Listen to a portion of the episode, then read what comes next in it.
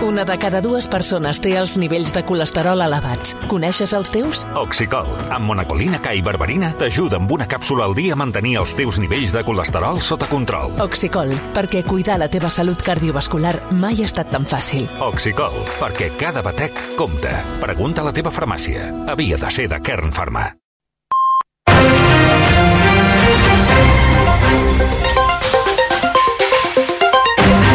Les 3 en punt recuperem titulars. Educació prohibirà els mòbils a les escoles de primària a partir del proper curs. Ho ha confirmat a rac la consellera Anna Simó. de restricció absoluta d'ús dels mòbils a primària, els centres hauran de començar a adoptar-ho i l'objectiu és que a inici del curs 24-25 tots els centres ja tinguin regulat l'ús mòbils, en canvi, a secundària, la consellera es referma en la decisió de deixar els centres decidir quines restriccions apliquen. I la immunització contra el virus respiratori sincicial, que produeix la bronquiolitis en infants, redueix un 80% les hospitalitzacions i entrades a l'UCI. Des de l'octubre ja s'han vacunat 4 de cada 5 menors de 6 mesos. El conseller de Salut, Manel Balcell, celebra que amb, eh, amb una inversió de 14 milions d'euros han pogut reduir significativament la pressió al sistema sanitari. I l'exèrcit d'Israel acusa dos dels seus soldats de passar-se pel clatell els protocols després que matessin tres hostatges israelians a Gaza. La investigació inicial apunta que els militars van disparar sense compassió quan es van trobar els hostatges, que anaven identificats amb banderes blanques i cridaven socors en hebreu. Un soldat en va matar dos de seguida i el tercer, que implorava ajut després que, de quedar ferit, el van abatre igualment un altre militar. La víctima tenia entre 20, tenien entre 22 i 28 anys. I el Barça està obligat a guanyar aquesta nit al camp del València si no vol despenjar despenjar-se de la lluita per la Lliga. Després d'una setmana per oblidar, amb les derrotes contra el Girona i l'Anvers, l'equip necessita reaccionar en el penúltim partit oficial del 2023. València-Barça a les 9 des d'una hora abans a rac Ara, primera, tenim el descans al Celta 1, Granada 0, amb el gol de Larsen. A segona, d'aquí a poc més d'una hora, juga l'Espanyol. Ho fa al camp de l'Andorra. En pàgina poliesportiva, cita important avui pel Baxi Manresa, la Lliga CB a casa contra el Tenerife a partir de les 6. Una victòria aproparia els del Bages a la Copa. I a la Copa d'Espanya d'handbol, jornada de semifinals a dos quarts de vuit, el duel català Barça-Freiking-Granollers. I acabem amb el temps. Martí Oliveres, aquesta nit ens haurem d'abrigar fins i tot més que ahir. Sí, perquè hi haurà glaçades a més zones de l'interior, fins i tot més intenses a la Catalunya central, a Ponent, en valls del Pirineu i Prepirineu, i en canvi, en punts de muntanya la temperatura es mantindrà o fins i tot pujarà.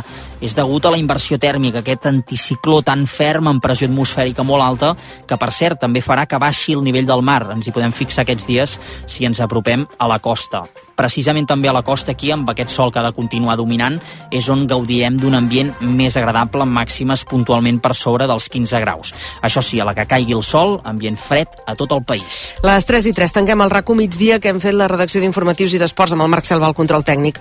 A partir d'ara continuarem pendents de l'actualitat, els avanços informatius. A les 4 al Superesports i a partir de les 8 tota la prèvia del València-Barça. Ho rematarem tot plegat a la mitjanit amb el Tu diràs. Nosaltres tornem demà a les 2. Ara us deixem amb el viatge bé. Bona tarda.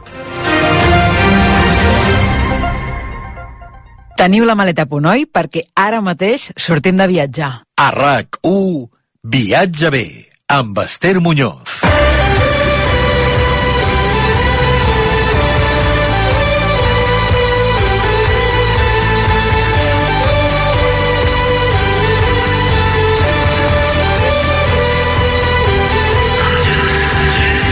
Bona tarda i benvinguts al programa de viatges de rac Aquest dissabte i a les portes de Nadal agafarem diversos avions per anar fins a les Illes Balears i també Àustria. Són escapades que avui farem al programa, però que els propers caps de setmana llargs de festes podreu fer també vosaltres. Palma de Mallorca, la capital mallorquina, és un molt bon pla ara en temporada més baixa. La catedral i el Palau de l'Almudaina no tenen tanta afluència de gent com a l'estiu i són visites imprescindibles. També ho és és un viatge en el tren de Sóller o la ruta dels comerços més emblemàtics de la ciutat i si voleu viure una experiència gastronòmica mallorquina única, anoteu els mercats gastronòmics nocturns de la capital de Mallorca. I a la tornada de l'arxipiélag balear tornarem a pujar a un altre avió que ens portarà en aquest cas fins al fins als mercats nadalencs d'Àustria. Preparats per les nostres escapades? Doncs comencem.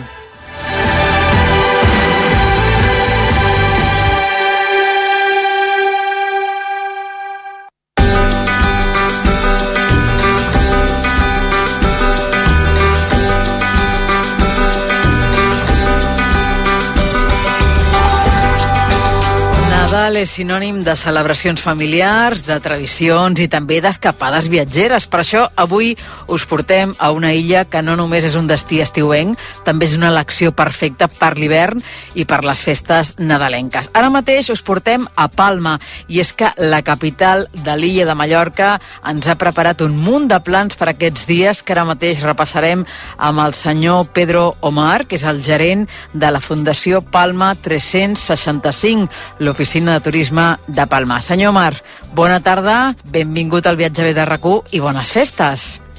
Bona tarda i moltíssimes gràcies uh, per quedar-me.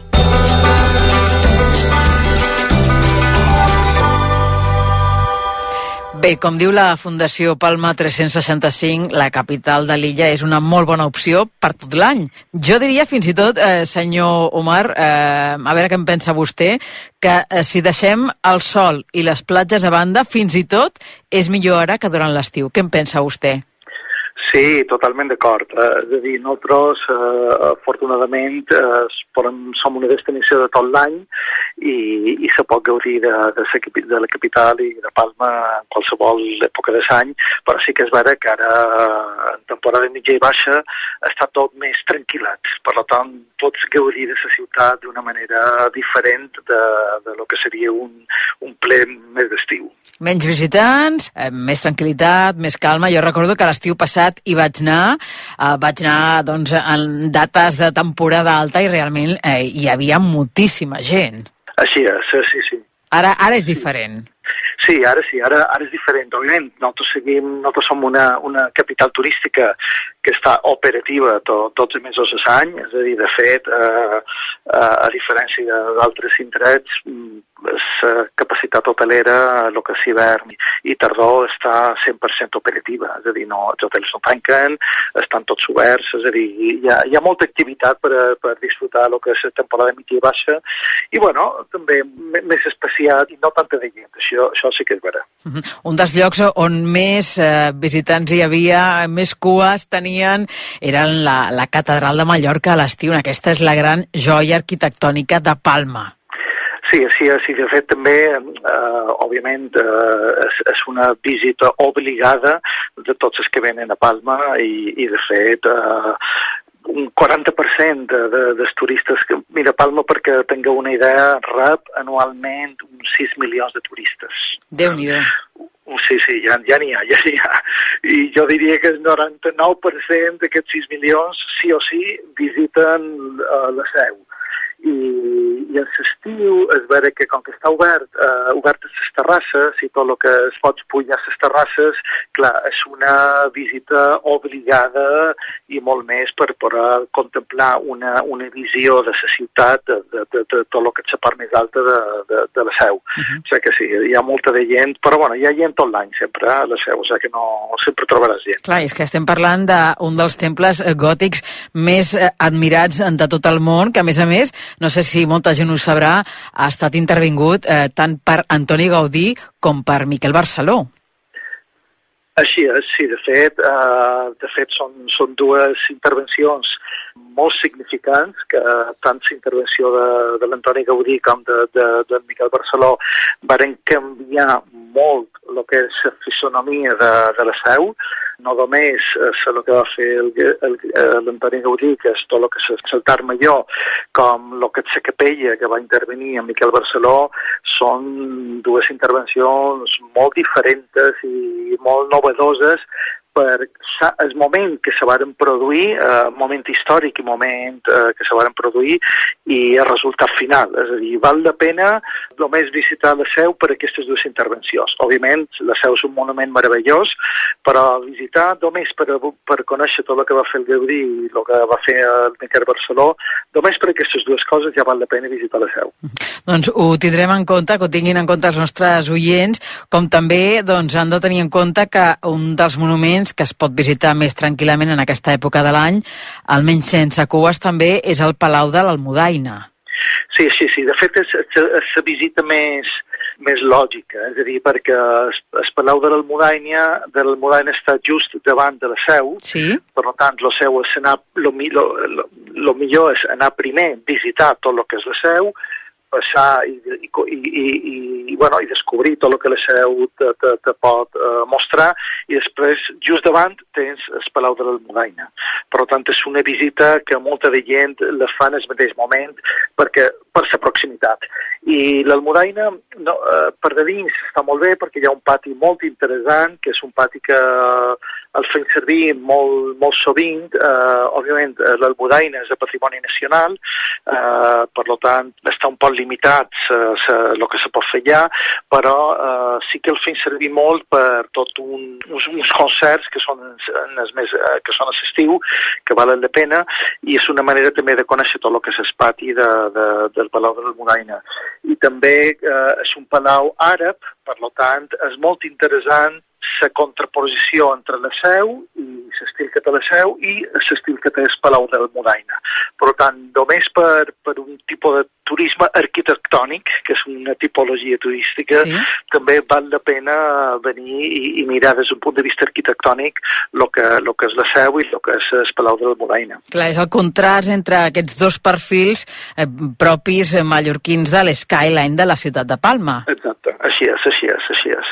Sí, sí, de fet, de fet, si tu demanes a qualsevol, si fessis un concurs d'idees per dibuixar un skyline, segur que tothom te dibuixaria aquests dos indrets com els dos indrets principals de l'Skyline de Palma. Clar. Eh, són dos dels mas de, en una visita al Palma ara en aquestes dates, però una altra de les experiències més singulars i més autèntiques que es poden viure allà és pujar al pintoresc tren de Sóller, no? Eh, senyor Mar, està operatiu en aquestes dates ara? Sí, sí que està operatiu, òbviament té, no, no té tantes freqüències com les, les té altres moments de l'any, però sí que està operatiu i és una excursió de dia uh, que està molt bé, molt maca i molt guapa, que val la pena. És a dir, perquè és un tren uh, que va molt a poc a poc, és tot de fusta i, i tot el que és el paisatge uh, per va aquest, aquest tren te dona una, una idea de lo que és el paisatge mediterrani característic de, de Mallorca Mallorca i de les Balears. Òbviament, eh, Catalunya té un paisatge també molt mediterrani, només faltaria, però bueno, és una altra visió de, del Mediterrani des de part de les illes. I, i aquest tren te permeteix descobrir i veure tot aquest paisatge i s'arribar a Sóller. Està molt bé, és molt guapa i Sóller és una, és una localitat que, que val de pena. És, és espectacular, és una, és una meravella, és una meravella. És una eh? meravella, sí, sí, sí, sí, sí, clar que sí.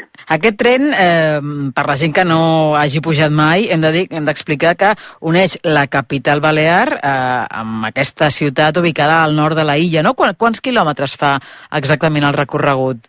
No molt, és a dir, són uns 25 quilòmetres, no, no és molt, eh? és a dir, està molt a prop, però sí que és vera que, que, que Solla eh, està a un, a un, a un, a un vall, que, que se diu la vall de Solla, que antigament era molt difícil arribar. Val? I, i Solla té, té unes característiques molt, molt peculiars perquè està oberta la mà i està a la part que està més a prop de, de França. Eh? I, I clar, com que antigament era molt difícil arribar a Solla perquè està tot enrevoltat de muntanyes, eh, és un poble que s'han mantingut moltes tradicions i moltes eh, construccions històriques eh, perquè tot el que és el desenvolupament va arribar un poc més tard que una altres, una, unes altres parts de, de Sevilla. Per tant, és, una, és molt maca aquesta excursió, val de pena, és una excursió de dia, o sigui que, que està molt bé. I el tren, com, com, com està deia, és molt pintoresc i a més és un, és un tren de fusta, per tant, és tot, tot un tren de fusta, te recorda els trens antics que teníem a totes les ciutats i també te recorda molt moltes tramvies que teníem a principis de, del segle XX eh, eh, per totes les ciutats, que eren tots de, de fusta, o sigui que és un... És, és molt pintoresc i és una molt bona excursió. Clar, és un tren del, del segle passat, del segle XX, de l'any 1912. No sé si eh, ara, amb, les, amb aquestes temperatures de cara al fred, el tenen habilitat d'alguna manera, perquè és un tren obert, no? Sí, sí, sí, sí, sí, no, no, està perfectament habilitat i no, no, no hi ha cap problema. O sigui, que, que no, no, te, no, te, no te congelaràs. De, de no passarem bueno, fred, no?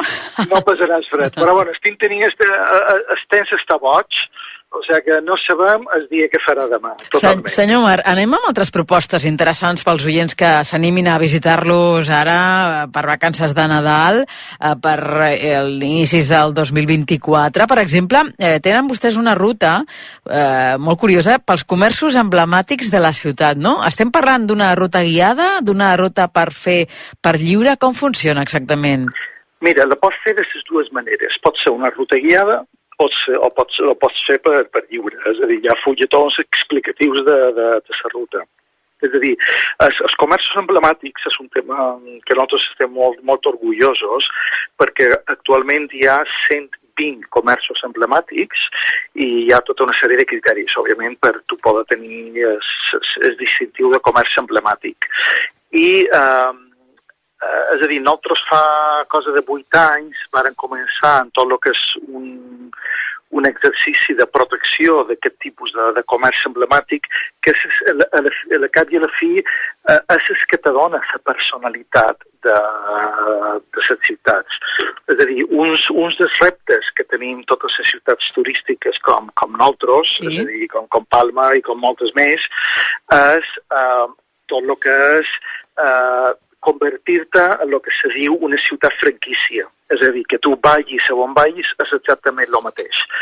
I nosaltres, els comerços, per nosaltres, els comerços emblemàtics és una de les moltes maneres que tenim per lluitar contra convertir-nos en una ciutat franquícia. I així eh, hi ha molta protecció a aquest tipus de comerços. Hi ha tot tipus d'ajuts eh, i també turísticament són molt importants per nosaltres. Eh, D'aquesta manera pots tenir totes les rutes guiades que la pots fer per tu mateix o pots contractar també una ruta guiada. I podràs descobrir tot el que són els comerços emblemàtics tradicionals, que hi ha de tot tipus. Hi ha eh, panaderies, hi ha tendes de paraigos, hi ha eh, tendes per comprar xocolata, joguines, eh, bars, hi ha de tot. I, i això te donarà una, te dona una idea de lo que en, de, de, de, dels comerços que teníem a la ciutat i que molts d'ells encara estan operatius i molts d'ells encara estan eh, gestionats per les famílies originàries. I, de fet, tu pots eh, parlar amb molt d'aquestes famílies quan vas a visitar el comerç perquè uh -huh. encara estan despatxant a, a la tenda, a la botiga, eh, i, i te poden explicar i contar la història de la botiga, la història de les generacions que han fet feina, perquè varen començar eh, a vendre joguines. Eh, per exemple, una, pensant de joguines, sí. eh, la industrial, que és, que és, que és, que és comerç emblemàtic especialitzat en joguines. Uh -huh.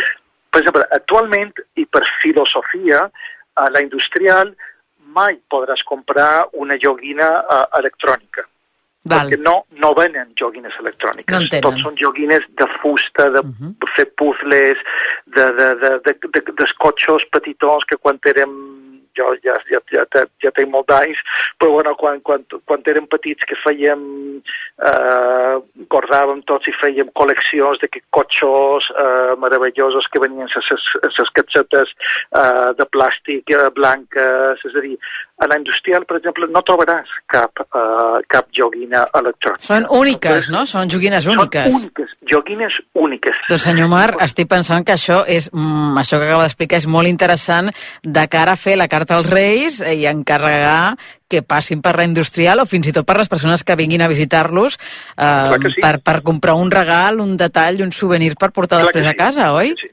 Així és, així és, i, i jo què sé, i molt de col·leccionistes de, de, de, de pepes antigues, per exemple, pots anar a la industrial i ells ja s'encarreguen, i ja te la troben. És a dir, i, o sigui, és un concepte de comerç i la industrial com, com, com a exemple, però és un concepte de comerç, és comerç emblemàtic, que són tots aquests comerços tradicionals que malauradament a poc a poc les ciutats s'han perdut. Clar, clar. Eh, Totes, totes les ciutats Sí, del sí, món, eh? sí, a poc a sí, poc sí. les hem perdudes. I llavors nosaltres fem un esforç molt important per mantenir i, i assegurar-nos que, que la supervivència d'aquestes empreses. Sí, sí, entre tots hem de, hem de lluitar per això, que aquesta identitat col·lectiva, aquesta memòria es mantinguin. Clar que sí, vostès el que li deia, tenim 120 comerços emblemàtics en l'etiqueta de comerç emblemàtic. Uh -huh. És a dir, ja n'hi ha, ja n'hi ha. Uh -huh. Per tant, entenc que uh, si podem parlar amb les persones que porten els negocis, les visites es fan en horari comercial. Sí, sí, sí, són sempre en horari comercial, sempre, absolutament. Sí, sí. Va, senyor Omar, anem amb altres eh, activitats que podem fer a Palma de Mallorca aquests dies. Ens ha creat especialment eh, a l'equip del programa l'atenció als mercats gastronòmics nocturns que tenen a Palma. M'agradaria que, que ens expliqués quins són aquests mercats i quina és l'experiència que ens ofereixen. Sí, mem, són, són mercats gastronòmics que, que, que per, per Barcelona i per moltes capitals de Catalunya també els tindran. Eh? És a dir, però la diferència és que el nostre Nadal i el nostre mes de gener, que després en el final xerrarem del mes de gener, eh, és a dir, eh, està tot, tota l'activitat està sempre plantejada a l'aire lliure. Val? Per tant, són eh, mercats gastronòmics, molt d'ells en els carrers Val? Uh -huh. que tu pots passejar i caminar i pots pegar una, mosse pegar una mossegada d'algo que, que, que, que s'està venent en aquell moment i també pots anar a el que són els mercats tradicionals com pot ser el mercat de l'Olivar, el mercat de Santa Catalina, el mercat de Pere Grau i això ja són més els mercats més tradicionals que també tenen tot el que és tot un tema gastronòmic. Però és una combinació entre els mercats gastronòmics tradicionals i tots el que són una sèrie de mercats a l'aire lliure que també pots disfrutar i gaudir durant totes les festes de, de Nadal. Uh -huh. um, veig, per exemple, uh, el Mercat de l'Olivar, no?, que és un d'ells. Exacte, el Mercat de l'Olivar és un d'ells.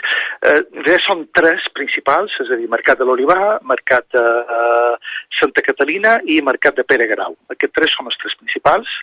Després tens un altre, que seria el Mercat a 1830, que aquest es, es, està també molt bé, i hi havia un quart que en aquest moment està, està, està en obres que jo crec que d'aquí 10 mesos tornen a obrir. Uh -huh. Això són els mercats més tradicionals, però també els tens en tot el que és el passeig Sagrera, que és un passeig molt important que tenim a la ciutat de Palma, uh -huh. que està de vora la mà, i allà també tindràs diferents puestos de, de menjars i de, de, de, de cuinars per, per passejar i, i disfrutar. Uh -huh. I quins, quins són els horaris, eh, la forquilla d'horaris que, que tenen?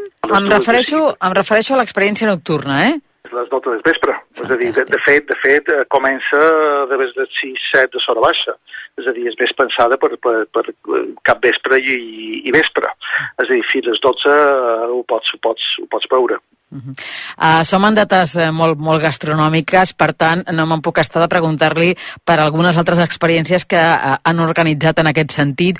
Una d'elles és una experiència culinària única uh, que es tracta de la preparació conjunta d'un menú mallorquí tradicional. M'agradaria que ens resumís, senyor Mar, exactament eh, com és un menú mallorquí tradicional. pues cada casa té el seu menú tradicional. sí.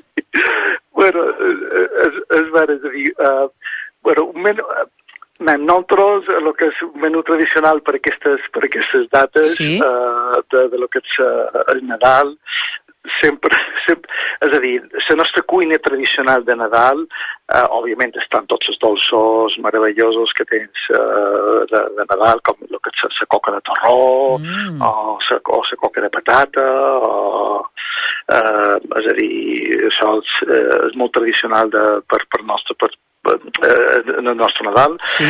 I després eh, tenim una sèrie de plats que són molt típics de Nadal, que, bueno, que també cada família ho fa de la setmaneta. Un plat que se diu sense nom uh, escaldums. Escaldums. Que és, un, escaldum, que és una guiat, una guiat, que, que aquesta guiat és la guiat tradicional se, se feia en indiot, amb, amb indiot negre, és a dir, uh, en gai d'indi, sí. uh, gai d'indi negre, que és, que és que aquí, aquí tenim el gai d'indi blanc i negre. Uh -huh. I el negre és el típic que tu normalment uh, solies emplear per, per, per Nadal. Uh -huh. pues tu uns, uns escaldums, després tens... Uh, és molt típic uh, per Nadal fer, fer una, una porcella, que les nostres, quan tu dius porcella, per nosaltres són porcelles un poc més grans, són porcelles de 10-12 quilos, no és la porcella petitona, més, més, més de, de llet, sinó són ja porcelles grans, uh -huh. que també és molt típic. Eh, un dia de les festes de Nadal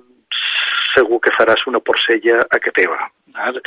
Després, òbviament, eh, tenim molt de peixos, el que és, és, eh, també hi ha moltes famílies que, que tiren per ser part de peix i tot el que són els peixos més, més d'aquesta època de l'any, que se solen fer molt, molt d'enfós, se sol cuinar molt d'enfós en el que és eh, per Nadal, se cuina molt de s'enfós i, i, bueno, i un poc eh, així és un poc el que, el que jo resumiria dels plats més típics. Mhm. de- Perquè de- de- aquests, de- eh, aquests menús mallorquins tradicionals eh, que preparen no?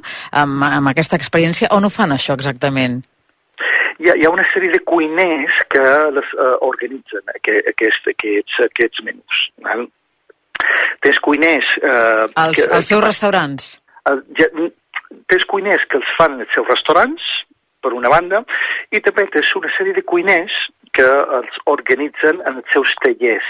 És a dir, hi ha cuiners que no tenen restaurant, però sí que fan tot tipus de eh, esdeveniments de cuinar eh, vinculat a lo que és l'establiment, eh, lo, lo que és l'espai que ells tenen. Fantàstic. Ho pot fer de les dues maneres. És a dir, o ja sí, sí, ho pot fer a través del restaurant o pot fer a través de, de, de cuiners que tenen el seu propi espai, que no és un espai obert en el públic, no és un restaurant, sinó que és un taller gastronòmic uh -huh. que Mhm. tenen i que organitzen aquests tallers dins el seu espai gastronòmic. On treballen, on treballen. On Escolti'm, treballen, una altra proposta, parlant de restaurants que hem trobat molt original, és la que ofereixen eh, i que es diu el primer restaurant Plant Forward de l'illa, no? Eh, eh, qu- quin és aquest establiment? No el coneixíem. No, aquest establiment està a un hotel, que és un hotel meravellós, que, és, que se diu... Um, Botànic? És botànic, exacte. El restaurant se diu Botànic, val? Uh, Andrés Benítez és el xef, val? A l'hotel Can Bordoi, pot ser? De Can Bordoi, exacte. L'hotel Can Bordoi és, és el restaurant botànic de l'hotel de Can Bordoi. Val? Can Bordoi és un hotel meravellós, és un hotel uh, boutique uh, de Palma. Nosaltres a Palma tenim una tipologia d'hotelera molt, molt personal, que són els hotels boutique, que fa cosa de 7, 7 8, 8 9 anys se van començar a desenvolupar eh, i eh, els hotels boutique de Palma eh, que estan oberts tot l'any i especialment també sempre, sempre fan coses eh, per, per, Nadal. Són petits hotels, no? Són petits hotels, però la tipologia d'aquests hotels és que són petit, petits hotels que estan tots eh, a palaus antics. Estàvem, estàvem parlant, eh, senyor Marc, d'aquest eh, hotel Can Bordoi, Can eh, Bordoi. i d'aquesta proposta que tenen, que és eh, la cuina Plan Forward. Eh, exactament eh, com funciona? Què és? Bàsicament és, és, és un poc el plantejament culinari que té Andrés Benítez, val? que té que veure amb tot el que són els, els vegetals de, de quilòmetre zero, val? i no només des d'un punt de vista de vegetals de quilòmetre zero, sinó entendre eh, el- eh, l'impacte que tenen tots aquests vegetals i tot el que tenen, eh, eh, bueno, que, que, que productes a lo que és la tradició culinari i el que se fa. Per tant, a través de tot el que és un viatge sensorial i a través de lo que és un viatge de, de, de, de, de restauració, pues, conèixer tot aquesta, tots aquests vegetals que com han, com han, com han anat canviant i impactant el que és la tradició culinària. Uh, estem acabant, uh, ens queda poc temps, però hi ha dues coses que li vull demanar uh, abans de marxar. Un és que vull que em parli uh, d'aquest uh, atelier que tenen al centre de Palma, on ens conviden a fer un viatge olfactiu. De quin, de quin viatge es tracta exactament? És a dir, tu pots, és a dir, a través de lo que són eh, els, els, els tractes d'olors, val? pots fer viatges a través de tot el que és la Mediterrània. Val? És un poc aquesta la proposta. A través de, de tota una experiència immersiva a través dels olors, conèixer i descobreix i, i descobrir tot el que és la Mediterrània, tot el que aporta la Mediterrània en el caràcter eh, mallorquí, en el caràcter de Palma, tot el que són les plantes, arbres, és a dir, a través d'aquesta immersió per entendre millor a on estem i, i, i, i, i, quin és, i, i, i què és el que, que bàsicament a on estem com a, com a illa enmig del Mediterrani. Vale? És un poc la idea de que- de que- de- d'aquesta experiència. On la fan exactament? Vitivins, vitivinis, exacte, sí, exacte. I el que li comentava, eh, que també m'interessava molt saber, és que mm, el dia 20 de gener és un dia important a Palma perquè celebren vostès Sant Sebastià, que és el seu patró. Com ho celebraran, no? Ens hem d'imaginar activitats importants per la gent que tingui aquella data lliure i s'estigui plantejant agafar un avió o un vaixell i anar cap a Palma? Sí, mira, i estic, i estic content que, que acabam amb aquest tema perquè Sant Sebastià és una festa molt important per nosaltres. És a dir, és el nostre, és el nostre patró, òbviament, i la diferència, bueno, i el que fa diferent Sant Sebastià és que és, és mes de gener, òbviament, i clar, eh, tothom pensa que és una festa un poc eh, trista, perquè ha terminat, ha acabat Nadal i està el mes de gener. I no és així. De fet, nosaltres, per nosaltres, Nadal finalitza just després de Sant Sebastià. Ah. I, de fet, tot, tot, tots els llums de Nadal estan posats fins després de Sant Sebastià. Per tant, tenim un Nadal un poc més llarg de lo que tothom se pensa. I les festes de Sant Sebastià són 10 dies de festa, de tot tipus de festa, tot tipus d'activitats, però el dia més potent és el de 9 eh, vespre, Sí? que és de 9 a vespre, eh, tota la ciutat se tanca en el tràfic, absolutament tota, i a totes les places públiques de la ciutat se posen tot tipus de, de, de, de, de graelles i la gent surt amb el seu menjar a fer torrades, val? i tu comparteixes el menjar amb el teu veïnat, comparteixes la torrada amb un estranger que, que està per allà, és a dir, és tota una festa molt popular i molt de fer poble i molt de fer ciutat, molt de fer ciutat, i també tens tot tipus de concerts a totes les, fest a totes les places. És a dir, a una plaça tens grups que toquen jazz, a una altra plaça tens grups que toquen música electrònica, a una altra plaça tens música de ball de bot, que és balls tradicionals de nostres, i tu estàs torrant, sopant, dinant, xerrant amb el veïnat, xerrant amb el turista que acabes de conèixer, gaudint de lo que és una festa molt popular, una festa de fer barri, de fer ciutat, de fer poble, de fer país, i eh, compartint tot aquest temps i tot aquest moment i després vas d'una plaça a l'altra. És a dir, és, és molt interessant perquè és a l'aire lliure, faci el temps que faci, tothom surt el carrer, tothom passeja, tothom disfruta, riu, eh, ho, ho passa molt bé. Per tant, és una festa molt important per nosaltres i ens agrada molt. I clar, abans de Sant Sebastià tenim Sant Antoni, que Sí. també és una festa molt arraigada a les Balears, Quan, quan la celebren? el dia 16 de gener. Per tant, tu enganxes primer en el que és Sant Antoni, finalitza Sant Antoni, que és una festa molt important per tots el que són els pobles de, de l'illa de Mallorca, Uh -huh.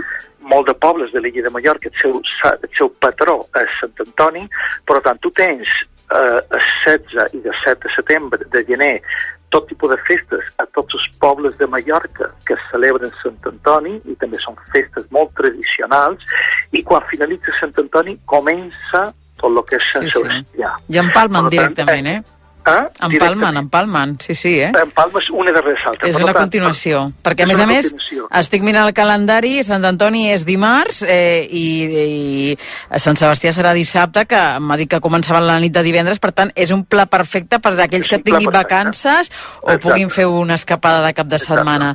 Senyor Pedro Mar, eh, gerent de la Fundació Palma 365 dies, m'agrada molt el lema que tenen vostès, eh, passió per Palma de Mallorca. Jo sóc una autèntica enamorada, m'hi estaria hores parlant amb vostè i repassant doncs, tots aquests plans que ens tenen preparats, però ja ho deixarem per una nova ocasió. Que, acabem, que acabin de passar un molt bon 2023, que tinguin una molt bona entrada 2024 i esperem tornar-los a visitar i tornar-ne a parlar. Que vagi molt bé. Moltíssimes gràcies. Una abraçada.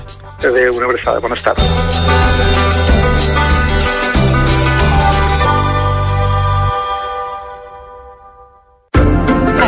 Nadal els millors regals per casa teva els trobaràs a Conforama. Renova el teu sofà, matalàs, menjador o electrodomèstic amb els descomptes més nadalencs. Perquè a Conforama et descomptem 50 euros per cada 300 euros de compra. Només del 15 al 23 de desembre. A les nostres botigues i a conforama.es. Al setembre tot torna. Fins i tot els Fiat Eco Days. Sí, sí, tal com ho sents. Ja sigui que estiguis buscant un cotxe híbrid com un elèctric, aquesta és la teva oportunitat. Ofertes exclusives i condicions especials t'esperen només fins al 30 de setembre per unitats amb entrega immediata. Auto 88, el teu concessionari oficial Fiat a Barcelona. Auto88.com som a l'era de la intel·ligència artificial, una revolució privada que converteix les grans tecnològiques en agents geopolítics. Canviarà el món i les nostres vides, i s'hauran de trobar fórmules per regular-la. Vanguardia Dossier analitza l'era de la intel·ligència artificial i l'impacte que tindrà a les nostres vides. Ja a la venda. Vanguardia Dossier. Anàlisi per tenir opinió. No despertis. Deu estar somiant amb el cotxe que vol. Doncs que vagi a la primera fira del vehicle d'ocasió del Vallès. Allà segur que el troba. Hi ha uns preus especials, perquè fa liquidació d'estoc de final d'any. Del 14 al 17 de desembre, a les instal·lacions de Vallparc Motors, al carrer Colom 457 de Terrassa. Davant el centre comercial Parc Vallès. Sí, sí, molts portals, moltes webs, però al final el tracte, les facilitats i allò que necessitava a l'hora de trobar el meu cotxe només ho he aconseguit a edificar.com.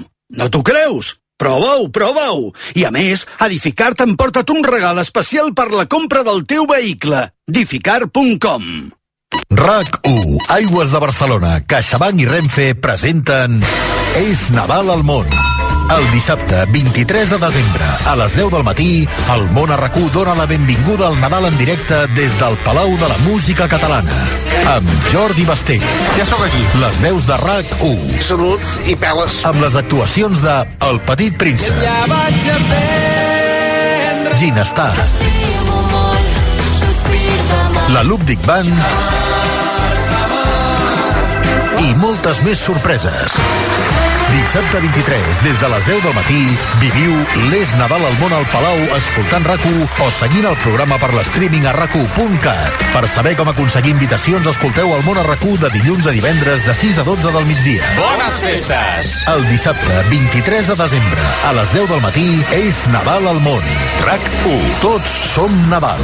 Amb la col·laboració de Torrons Vicenç, comprem el seu cotxe.cat i Previsora General.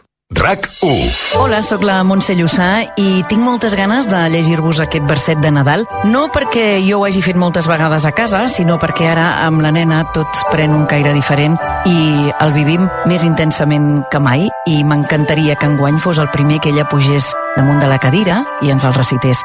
Vale, agafo el micro. Vale, començo, sí? La nit de Nadal... Aquest Nadal, RAC 1 puja dalt de la cadira. Escolta el sencer a RAC més 1. RAC 1. Yeah! Aquest dissabte, Superesports i Barça a RAC 1. A un quart de cinc, Andorra Espanyol de segona, amb Xavi Puig, Jaume Molló, Edu de Batlle, Joan Camí i els comentaris de Dani Solsona. A les 6, Baxi Manresa Tenerife de la Lliga ACB i a un quart de set, Uni Girona Estudiantes de la Lliga Femenina. Pendents a les semifinals de la Copa d'Espanya d'handbol. A les 8, la transmissió del València-Barça de la Lliga Masculina de Futbol amb Font Lipou i tota la tropa. I per rematar-ho, tu diràs fins a la una amb Gerard Ballera. Aquest dissabte, Superesports i Barça Barça a RAC1. El Barça juga a RAC1 és una gentilesa de CaixaBank i Estrella d'Am. RAC1. Tots som 1. El minut a minut de RAC1 Més fàcil. Tot el que passa a RAC1 dins i fora de la ràdio Actualitzada. Tot allò que t'expliquem a RAC1 Renovada. RAC1.cat El portal de notícies de RAC1 Escolta.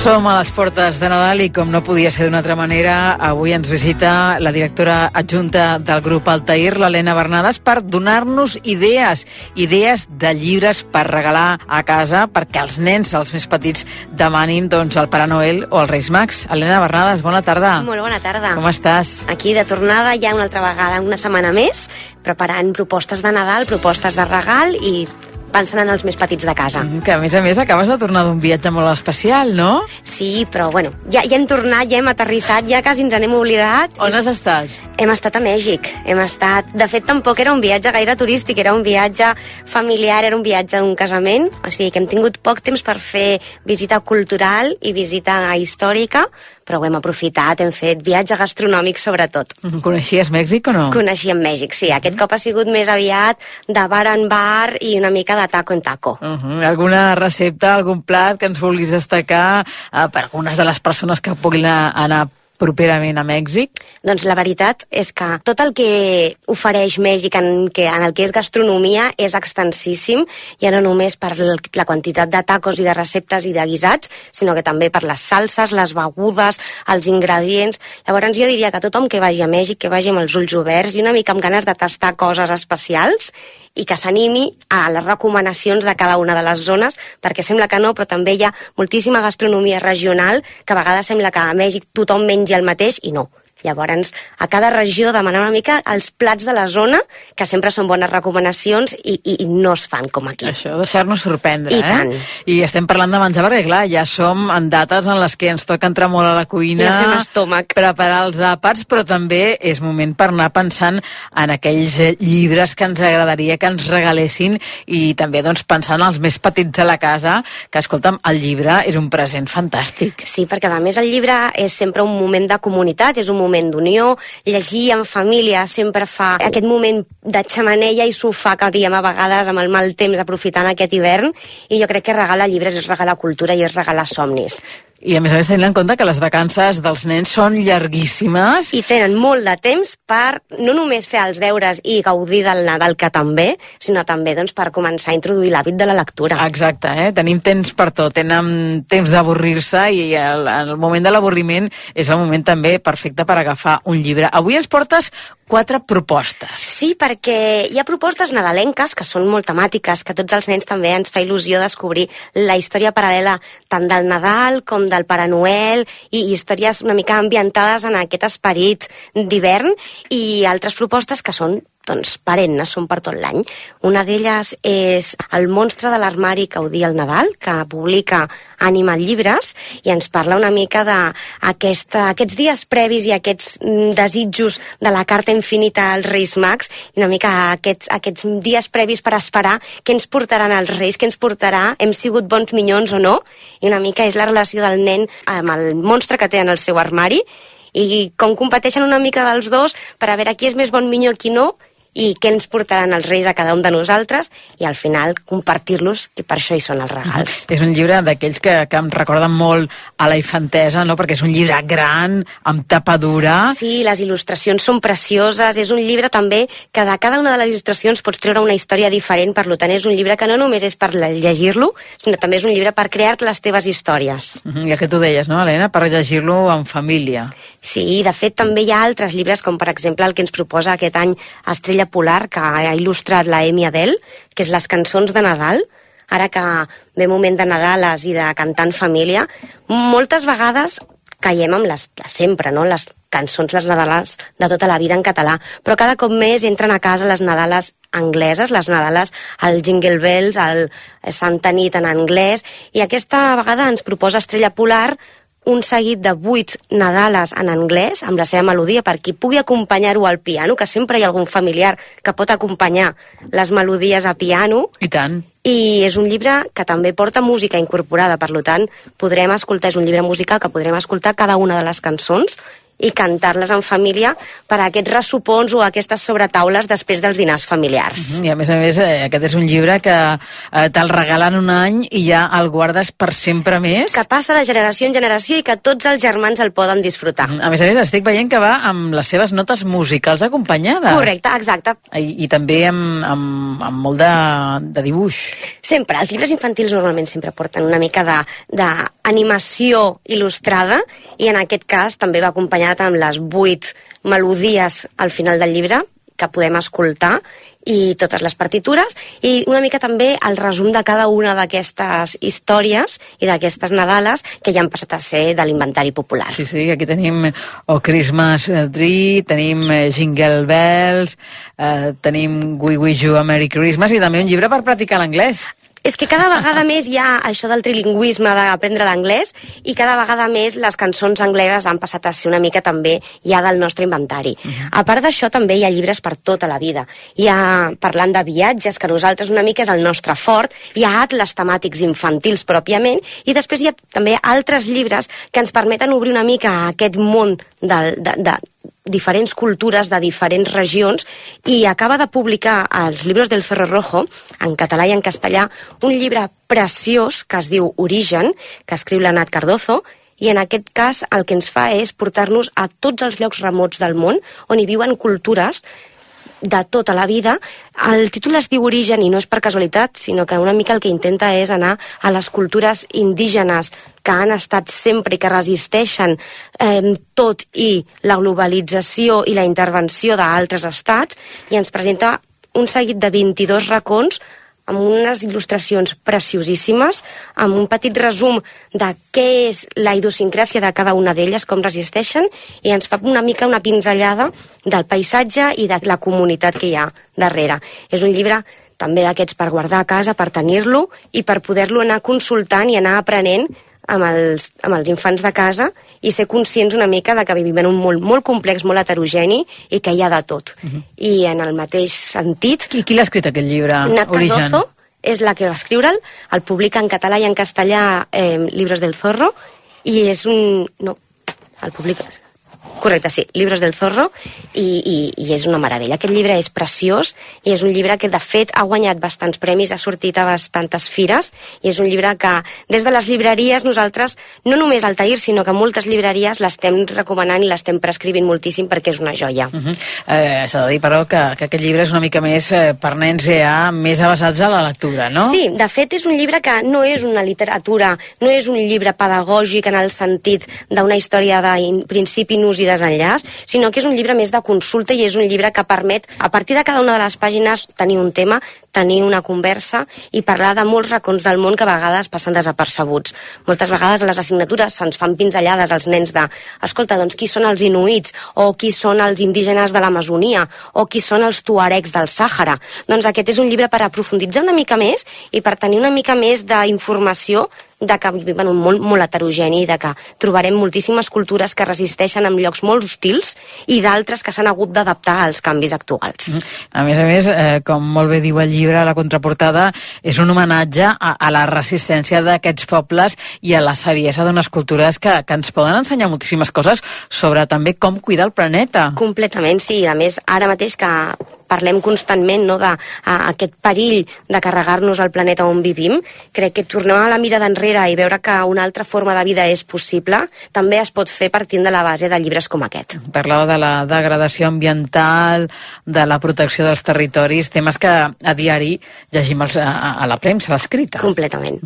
Va, anem per la quarta proposta que avui ens porta des de la llibreria I la Tahir, quarta proposta. l'Helena Bernada. Són, com dèiem, propostes de regals, de llibres, de lectures, sí. que podem demanar per uh, el dia del cagatió, per exemple. El cagatió, Noel, els Reis, el Pare. Noel o perquè sí, perquè també són llibres per tenir a la biblioteca de casa i per anar fent consultes o per anar rellegint en diferents moments, perquè de fet l'últim també és un atles temàtic en aquest cas natural, perquè es titula El mundo de les muntanyes, que l'escriu Dieter Braun, el publica l'editorial nòrdica, i és un llibre infantil, però en realitat és un àlbum il·lustrat per totes les edats. És un llibre que ens fa un repàs amb curiositats de les muntanyes de tot el món i és una mica com un compendi i un diccionari il·lustrat del món de l'alpinisme. Ens fa un recull de les categories i una mica les fitxes tècniques de cada una de les muntanyes, però també ens parla de els paisatges que l'envolten, les comunitats que l'habiten, la natura i la flora i la fauna que hi ha, Per tant, és un llibre molt maco per tots aquells apassionats de la natura que volen engrescar també els petits de casa a apassionar-se per aquest món. I que em deies abans, Helena, eh, fora d'antena, que ara mateix eh, hi ha molta demanda d'aquest tipus de llibres a la llibreria Altair, no? Sí, perquè a més, eh, moltes vegades hem pensat que l'àlbum il·lustrat és un àlbum únicament dedicat a unes edats concretes, quan no. L'àlbum il·lustrat és per totes les edats. L'àlbum il·lustrat també agafa una mica la poesia de la il·lustració juntada amb la prosa, que jo crec que és una mescla perfecta i, i ens permet arribar molt més enllà que amb, un, amb una història narrada. Uh -huh. Dieter Brown, que ens porta, per exemple, als Alps eh, o també a l'Himalaya. Ens porta als Alps, a l'Himalaya, als Andes, ens porta a totes les muntanyes icòniques i també ens passa per paisatges de tots els continents que, que relata una mica la forma de vida, que relata els paisatges, que relata també les fitxes tècniques i ens permet conèixer una mica també aquest, el, el globus terraqui des d'un punt de vista molt més natural. Un llibre que és una obra d'art perquè també té unes il·lustracions magnífiques. Sí, sí. Quan pensem en Nadal moltes vegades pensem també en els petits de casa, però és per tota la família i les il·lustracions també de, de per si ja són una història pròpia les il·lustracions cada vegada són una cosa més valorada dintre del món de la il·lustració, de l'art i, de, per sort, de les publicacions i cada vegada estan publicant llibres il·lustrats amb molt més caràcter, molt més gust i ens encanta tenir-los. Uh -huh. Un llibre, allò, per als amants de la muntanya, però també pels amants dels animals. És un llibre, realment això, és un llibre pels amants de la natura ja sigui pujant, ja sigui llegint, ja sigui sortint de casa o, o, o aquí a propet. Jo crec que és un llibre que a totes les edats encantarà. A totes les edats, com tu deies, eh? a petits i també a grans, perquè jo m'estic engrescant aquí, que jo crec que afegiré a la meva carta dels Reis eh, aquests llibres, perquè són una meravella. Eh? Jo tinc llibres com aquests, però clar, hem de tenir en compte que aquests ja són del segle XXI. Sí, sí, sí, sí, tot i que moltes vegades parlem de llibres que s'han reeditat altres vegades, aquests no, en aquest cas és nou, però les cançons de Nadal, per exemple, són llibres que podríem tenir amb moltíssimes publicacions diferents i que sempre va bé tenir-los a casa. Doncs va, recapitulem. Tenim Cançons de Nadal, publicat per Estrella Polar, aquestes vuit melodies nadalenques per celebrar les festes. Tenim també eh, l'Origen, amb l'edició en català i l'edició en castellà de la Nat eh, Cardozo. Hi ha, per exemple, també El monstre de l'armari, Odia el Nadal, d'Anima Llibres, i finalment El mundo de les muntanyes de Dieter Braun, editat per Nòrdica Divulgación. Helena Bernades, moltíssimes gràcies. Aquests i molts més a la llibreria. T'esperem en uns dies. I tant. Que vagi bé.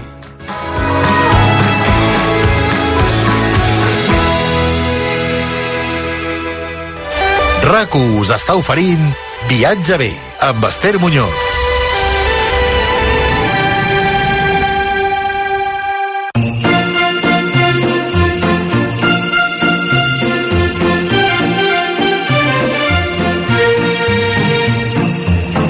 Els mercats de Nadal europeus ja estan rebent molts visitants aquests dies. Ho sabem perquè doncs, eh, durant aquestes setmanes estem rebent la visita també nosaltres aquí a l'estudi de rac de la periodista i blogger de viatges Helena Merín. Helena, bona tarda. Hola, bona tarda. Ja la coneixeu, ella és la creadora del portal mercadillosdenavidad.com, controla moltíssim tota l'actualitat relacionada doncs, amb aquesta escapada que ja s'ha convertit en un clàssic de, de finals d'any. És un clàssic i que enganxa, us ho dic, eh? perquè jo vaig començar esporàdicament i cada any busco un sí, destí. Sí, cada any has d'anar a algun lloc i a més a més és que l'oferta és molt gran, eh? perquè pràcticament a, a, a les ciutats més importants i els països més importants a, a nivell europeu tenen el, els seus mercats nadalencs, no només a les capitals, sinó després a poblets més petits. Exacte, i per mi aquesta és la màgia de, dels mercats de Nadal, aprofitar i anar a llocs més petits. Uh -huh. Avui parlem d'Àustria. Eh, a quin mercat has estat tu? Quin és el que coneixes? El que he visitat és el de Viena, que és una de les ciutats que celebra més mercats de Nadal en número, és realment espectacular i per la seva proximitat d'Alemanya doncs sempre em recorda als, a, als mercats de Nadal de Viena doncs als d'Alemanya.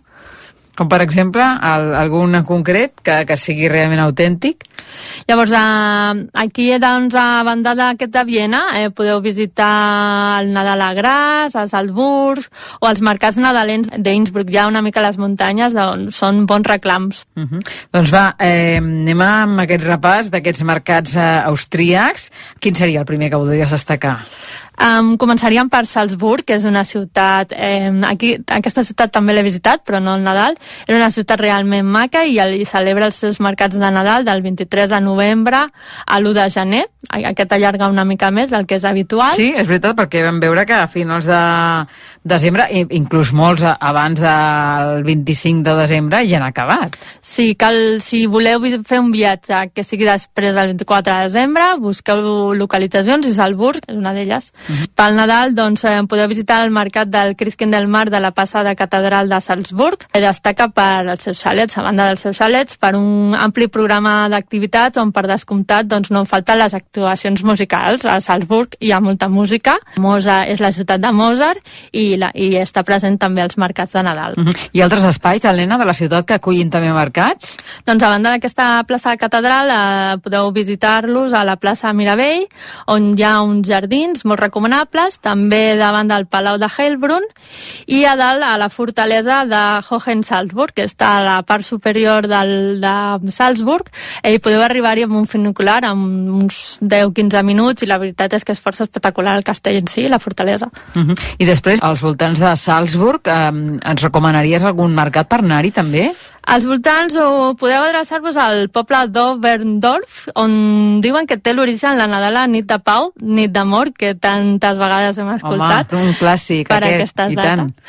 O al mercat també d'advent del Jarl Wolfgang Sí, que aquest també sol allargar a les seves dates fins a any nou. És, són bones destinacions als voltants de Salzburg. Uh -huh. Molt bé, hem començat aquest recorregut pels mercats austríacs nadalencs a Salzburg. Eh, a on ens portaries, en segon lloc? Quina seria la, la segona recomanació en aquest sentit? Doncs ens aniríem a Graz, que és una ciutat que celebra els seus mercats del 18 de novembre al 24 de desembre. És una ciutat eh, força interessant d'Àustria, en què compta amb un nucli històric que és patrimoni de la humanitat per la UNESCO, i també una ciutat amb molta tradició nadalenca. Tot i que en soni més Viena, realment doncs, sembla que a, a, el Nadal a Graz és bastant popular a Àustria. Té molts mercats, eh, Graz? Té cinc mercats de Nadal, el principal a la plaça del Hauptplatz, davant de l'Ajuntament, i aquest en concret, per exemple, és, eh, cada any simula un poble nadalenc, on no falten doncs, els xalets de fusta, amb artesania, amb, amb, amb xalets de gastronomia, on es ven el vi calent. Quan vens vi calent, doncs, normalment te'l veus amb una tassa, que ja Ahà. pagues a part, Sí. jo me la sol quedar les que més m'agraden com a souvenir. De record, no? De record. I llavors, eh, el que també és molt especulat d'aquesta zona és eh, la seva gran pista de gel, tot uns clàssics dels mercats de Nadal a Àustria. Uh -huh. Tens una curiositat sobre la façana de l'Ajuntament que els volies explicar, no? Sí, a Gras, doncs, a, a, de l'1 al 24 de desembre es projecta un calendari d'advent. Cada dia s'obre una finestra, és una de les curiositats de les seves celebracions. Uh -huh. Molt bé, hem recorregut eh, Salzburg, eh, Graz, i ara eh, ens tocaria anar cap a Innsbruck. Sí, l'encant d'Innsbruck és innegable, és eh, un poble que està ja gairebé als Alps. Mm, Llavors, si el trobeu nevat, òbviament això li suma un plus. Eh, llavors ens trobarem de nou en mercats molt ben il·luminats, de nit, doncs la, la ciutat s'il·lumina, tant a, la, a les principals places doncs, com a alguns carrers. Llavors aquí podem visitar cinc mercats de Nadal. El més popular de nou està a la plaça principal, al costat del popular edifici del Golden Dag, que és el Taixó d'Or, és el més popular d'Innsbruck. I aquí, doncs, a banda doncs, de menjar, per suposat, sempre recomano menjar, trobareu també molta artesania d'advent i de productes típics de la zona del Tirol, Uh -huh. mm, com formatges o embotits, i així que aquí sempre la tradició està assegurada. Hi ha més mercats a Nadal, Helena, aquí? Hi ha més mercats, en podeu trobar doncs, al carrer Maria Teresa, que aquest és, un, és la zona més comercial d'Innsbruck, i aquest doncs, també sol allargar una mica. I també, com una curiositat, us recomano doncs, apropar-vos a la zona del Marktplatz, perquè aquí, aquí doncs, trobarem, eh, un ambient, a banda d'un ambient molt familiar, una, bé, una excentricitat nadalenca, no sé com dir-ho, Quina és? que és un arbre Nadal decorat amb vidres Swarovski. Ostres! Per què? Doncs perquè aquesta marca té a Innsbruck diversos espais i de fet pel Nadal doncs, també organitza doncs, eh, alguns esdeveniments especials. Molt original, aquest arbre. Sí, llavors eh, us recomano doncs, aquesta experiència, que és molt diferent a la, a la resta de, del que podeu veure a Àustria. Uh -huh. No hem citat Viena, eh, és el que tu coneixes, no? Perquè tu sí que hi has estat. Algun titular que ens vulguis donar al respecte del Mercat de Nadal de Viena? Sí, us el recomano perquè sobretot el de la plaça d'Ajuntament, que és molt, molt gran i té una, sempre dic, una pista de patinatge super divertida, amb desnivells, que si us atreviu, doncs és tota vostra. Pels més valents. Helena Berí, moltíssimes gràcies novament per venir a acompanyar-nos al viatge bé i traslladar-nos cap a aquests mercats europeus i t'esperem en uns dies. Sí, tornarem i seguirem de ruta pel Nadal. Fins aviat.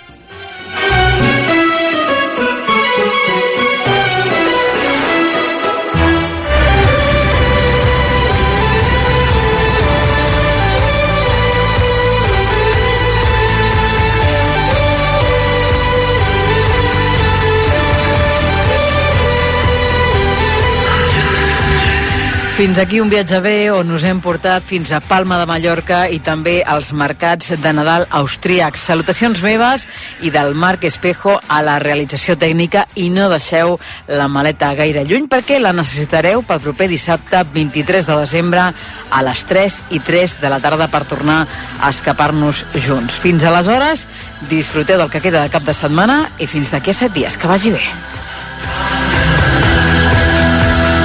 Senyores i senyors, en nom d'Ester Muñoz, gràcies per viatjar en viatge bé a rac i fins dissabte que ve.